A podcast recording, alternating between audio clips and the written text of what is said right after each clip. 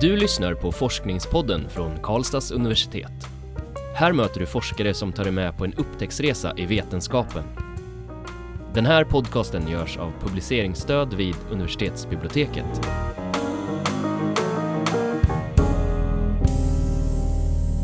Hej och välkomna, mitt namn är Magnus. Jag heter Nadja.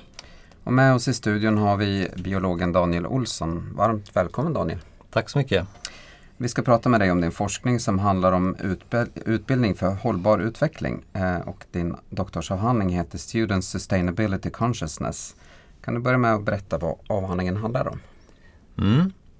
Det är en eh, typ av utvärderingsstudie om vad som har kommit ut av just utbildning för hållbar utveckling i det svenska skolsystemet. Eh, I korta väldigt, drag. I, I, väldigt korta drag. Eh, mellan 2005 och 2014 så var det en dekad för utbildning för hållbar utveckling i världen. Mm. En dekad, vad är det för En dekad, alltså en tioårsperiod. Ja, eh, FN utlyste den. Och då eh, blev det inskrivet i många, under, många läroplaner under den här perioden i världen att man skulle hålla på med utbildning för hållbar utveckling och vad det innebär och så här. Och så i slutet av den så kom jag in i forskningen och då passade det ganska bra att göra en utvärderingsstudie om effekterna av vad som har kommit ut på elevnivå okay. i Sverige. Ja. För det hade ingen gjort tidigare så det tyckte jag var intressant. Ville ja. göra det. Men vad betyder hållbar utveckling i sammanhanget? Ja, hållbar utveckling och utbildning för hållbar utveckling kanske är lite två olika saker. Hållbar utveckling då det handlar ju mer om eh, innehållsfrågor kan man säga.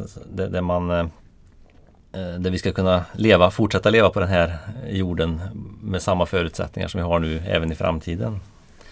Eh, medan utbildning för hållbar utveckling då handlar om hur, hur utbildar vi för att man ska få kompetenser att kunna eh, få till stånd den här hållbara utvecklingen så att vi kan leva på den här jorden. Så det är en liten annan vinkel på det med utbildning för hållbar utveckling. Hur, hur väcktes idén? Du sa att du kom in alltså, mot slutet av ett forsknings forskningsprojekt mm. i det här. Ja, kanske inte mot slutet av forskningsprojekt men slutet av den här tioårsperioden. Tioårsperioden ja, ja. Så det var i början av forskningsprojektet. Det var eh, Jag är lärare i grunden och har väl alltid varit intresserad av de här frågorna och brunnit för de frågorna. Och, och eh, har väl insett mer och mer vilken otroligt viktig roll utbildning har för att vi ska ja, utbilda så att unga människor får de kompetenser de behöver för att kunna hantera svåra och komplexa frågor som vi hanterar i samhället idag. Kan du, kan du nämna några olika eh, frågor som man skulle behandla i skolan då? Vad är det de får för verktyg? Ja, eh, verktygen är ju svårt att säga exakt. Det beror ju kanske på vilken fråga det är men att det man behöver göra Eh, det som kännetecknar frågor om hållbar utveckling är att de är, består av många olika komponenter. Till exempel det kan vara miljöaspekter, det kan vara ekonomiska aspekter och sociala aspekter. Och just att hantera den här komplexiteten. Hur gör man liksom för att belysa saker ur olika perspektiv och vilket när det inte alltid är så lätt att se vad som är rätt eller fel. Till exempel resande är en sån här vanlig sak som man pratar mycket om idag. Att, eh, Eh, är det bara fel att resa eller kan det finnas tillfällen där det faktiskt är rätt att resa och, och varför det är i så fall och, och hur ska resandet ske? Och, ja, men det finns många saker som eh, eh, där man behöver verktyg, liksom kompetenser för att kunna klara av att hantera den här typen av frågor som man allt oftare stöter på i samhället.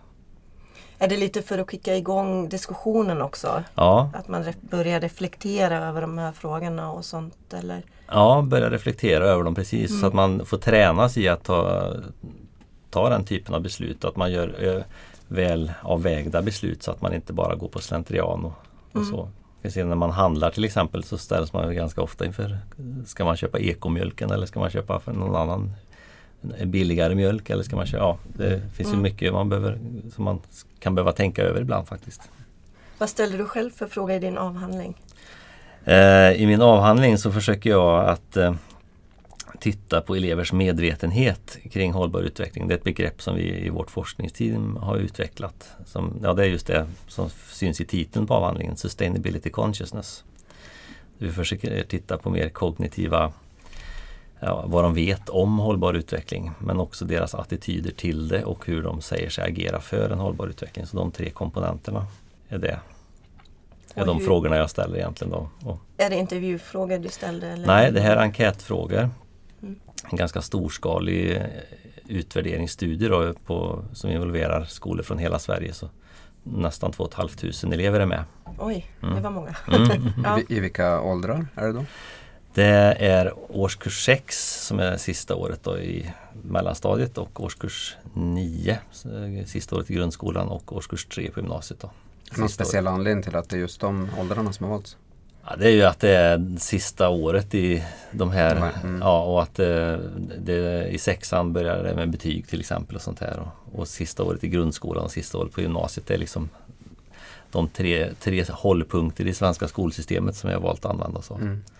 Och sen kan det finnas andra naturliga orsaker till att vi inte går längre ner i åldrarna så att säga. För det, det, det kan ju eh, vara svårt att, för yngre elever att svara på många enkätfrågor till exempel. Mm. Och, och så. Du berättade om den här dekaden att det var ja, någonting som skedde över hela världen så att säga. Har det också skett motsvarande forskningsstudier som undersökt i andra länder och så? Ja, eh, lite grann har det gjort det. Inte så mycket som man kan tro men det finns ett antal länder då som har gjort, eh, som har gjort eh, liknande saker. Som eh, utvärdering av, på elevnivå. Då. Men nu är vi jättenyfikna på vad du hittat. Ja, Ja.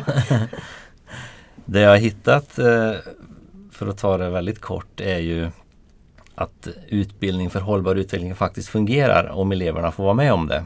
Men tyvärr så får de inte vara med om det så mycket i det svenska skolsystemet då, för att man, eh, undervisning sker inte på det sättet som man, som man då skulle vilja att det gör. okej. Så det är inte inskrivet i läroplanen eller vad är det som är Jo, eh, ja men det är inskrivet i läroplanen och det, man, läroplanen pratar ganska mycket om förmågor hos eleverna och så här. Men eh, när man definierar utbildning för hållbar utveckling så brukar man prata om två komponenter. Det ena är innehållsfrågorna, att man ska prata just om de här miljö, ekonomi och sociala aspekterna. Men även då eh, en annat perspektiv är hur man då ska göra det i undervisningen. Och då är det, handlar det mycket om elevinkludering och att eh, ja, få träna sig och belysa ur olika perspektiv och, och jobba med frågor där det inte finns något enkelt svar utan det kan finnas olika svar beroende på vilket perspektiv man tar. Så om de två komponenterna upplevs av eleverna i undervisningen så kan man se att det får effekter då på hur de säger sig vilja agera för en hållbar utveckling. Och det är det man vill egentligen med utbildningen, att eleverna ska agera annorlunda. Men det vi kunde se, eh, jag och mina kollegor så att säga, när vi har gjort ett antal studier är att eleverna inte upplever det här till någon större grad då i, i den svenska skolan. Varken i årskurs 6 eller 9. Mer i årskurs 3 på gymnasiet faktiskt. Okej. Därför- ja. Mm. Men Vet man varför? Skillnad. Eh, nej, det, det vet man väl kanske inte. Det kan väl ha med åldern att göra såklart att eh, i årskurs 3 på gymnasiet så är man mer eh, så, så finns det en tradition av att låta eleverna ta egna initiativ och tänka mer själva så. Men ehm, jag tror för, mycket av förklaringen till varför de inte får uppleva det finns i, i eh, den undervisningstradition som finns i den svenska skolan. Eh, där man då pratar mycket om eh, att den är väldigt faktabaserad och att man först ska lära sig fakta och sen agera utifrån att man har lärt sig massa saker. Men det kanske vi vet alla då att bara för att man vet något så är det inte säkert att man agerar Mm, utifrån det. I, I avhandlingen pratar du om någonting som kallas för ESD-certifiering. Kan du berätta vad det är? Alltså vi har lärt oss att det är Education for Sustainable Development, men vad innebär det? det Det är då en eh, typ av certifiering som är till för att stödja skolorna i att eh, få till det här med utbildning för hållbar utveckling. För att eh, det har visat sig att det inte är enkelt och eh, beslutsfattare i olika länder, bland annat Sverige då, har kanske inte gjort allt som krävs för att, man ska, för att lärarna ska få fortbilda sig och utveckla sig själva och kunna göra det här på ett bra sätt. Och då har man tagit hjälp av externa organisationer då, som har valt att stödja skolor. Både i Sverige och andra länder. Världsomspännande kan man säga. Och då, ja, det, så det, man får hjälp med lite verktyg, undervisningsmaterial och så här. Så, så det är en global certifiering, är det det du säger? Liksom, om, om vi skulle gå till en skola i Australien och de är ESD-certifierade så är det samma? Det kan vara samma. Det finns en internationell certifiering som heter Ecoschools. Och den finns i Sverige och den finns i nästan alla länder. Okej. Men den ser ut på lite olika sätt. Det är lite landsspecifikt hur den ser ut. Då, men att den, den, är världsomspännande kan man säga och den finns i Sverige också. Mhm. Och den går mer, under, mer känd under benämningen grön flagg i Sverige. Mm, så skolor med grön flagg, då, då är det en Mhm. sån ekoskol. Mm. Okej. Och hur kommer den här certifieringen in, in, in, in i din avhandling? Eh, för att hitta skolor helt enkelt som, hade, som vi visste hade hållit på med utbildning för hållbar utveckling på ett specifikt och bra sätt så att säga, som vi trodde då. Så använde vi oss av de här skol, eh, certifieringarna för att hitta de skolorna. Okej. Så det jag egentligen gjorde var att eh, söka reda på de skolor som då ja, på pappret så att säga ska vara de mest eh, Framgångsrika? framgångsrika på Ja. det här området i, i Sverige så att säga. Mm. Och sen var tanken då att jämföra dem med, med jämförbara skolor men utan den här certifieringen. Då. Okej. Och visade det sig att det hade effekt, certifieringen, var, var de skolorna bättre på? Nej det var ju så att det var ju inte så mycket effekt utav det. Okej. Utan eh, eh, i årskurs 6 till exempel kunde vi se att det hade en liten eh, effekt på miljöfrågor och vilket då kan tyda på att man kanske jobbar just med miljöfrågor i de här lägre åldrarna. Och inte så mycket med det sociala till exempel. Och sen i årskurs 9 kunde vi faktiskt se att om man gick på en sån här certifierad skola så hade det till och med negativ effekt på hur eleverna sa sig vilja agera för en hållbar utveckling. Då. Oj då. Ja. Medan då eh, i årskurs eh, tre på gymnasiet igen så var det en liten positiv effekt. Och särskilt på eh, ekonomifrågor faktiskt. Mhm. Mm. Kan du berätta mer om hur, det kom sig att det var på detta sätt? Ja, det funderar jag också på såklart. Mm. Men eh, det, det forskningen då talar om, det har inte jag sett specifikt, men det är att, att eh, det finns undervisningstraditioner som jag nämnde i den svenska Mm. skolan och då brukar man dela in det i tre olika delar. Det är den faktabaserade och sen en mer normativ som man hade, som ja, ägde rum mycket på 90-talet där man då egentligen talade om vad som var rätt och fel. Eller vad, är rätt och fel? Så här ska ni tycka och så här ska Mm. ni tänka. Och sen en mer som är då i linje med det här utbildning för hållbar utveckling som då ja, de, de kännetecken jag pratade om förut med att eleverna får lite mer självbestämmande och att man jobbar med komplexa frågor ur olika perspektiv och så här. Och eh, det vi kan se då är att, eh, och det, i, även i annan forskning, är att det är de här två första faktabaserade och normativa som är rådande i den svenska skolan. Okej. Och att man då inte har ställt om till det här utbildning för hållbar utveckling än då.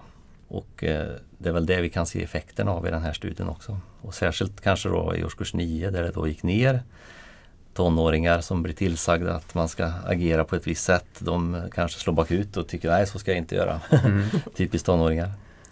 Så att eh, det är kanske det vi ser effekten av. Hur, hur pass, det låter som att det kanske det är en stor omställning som den svenska skolan skulle behöva göra för att anpassa sig.